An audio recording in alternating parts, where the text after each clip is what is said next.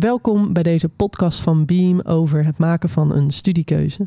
Dit is de laatste podcast en dat betekent dat jij intussen een studiekeuze hebt gemaakt. Het kan natuurlijk zijn dat dit heel soepel ging, maar misschien ging het ook niet zo soepel.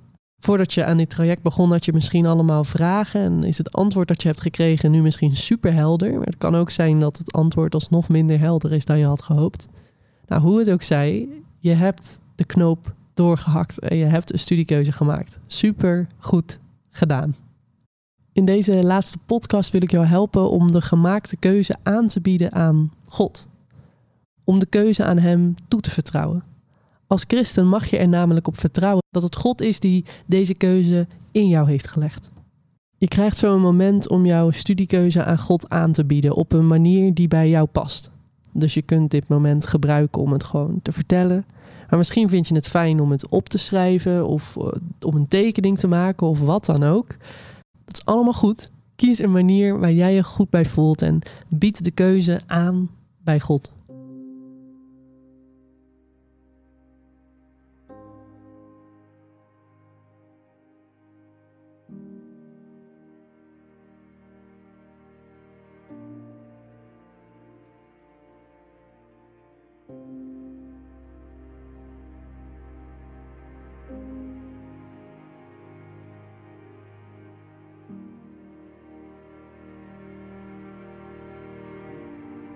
Misschien wil je er ook bij zeggen hoe je je voelt of wat je hoopt van je studie of waar je nou echt naar verlangt. Spreek, schrijf, teken, welke manier je ook hebt gekozen.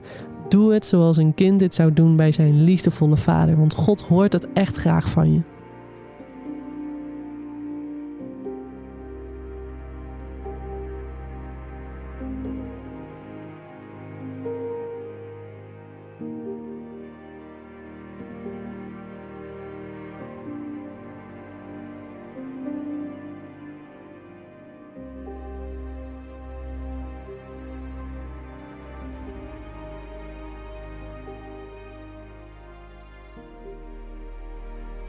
Je hebt je keuze nu aan God aangeboden en we willen Hem nu vragen om jouw keuze te bevestigen. Dat Hij jou rust en vertrouwen gaat geven over deze keuze. Het kan natuurlijk zijn dat dat even duurt. Dat het even duurt voordat die rust en dat vertrouwen er is. Want je hebt een keuze gemaakt en dat betekent ook dat de andere optie die je in je hoofd had, dat die is afgevallen. En dat kan best even slikken zijn of iets wat je even moet verwerken. Maar nu is er voor jou een moment om God om deze bevestiging van rust en vertrouwen te vragen.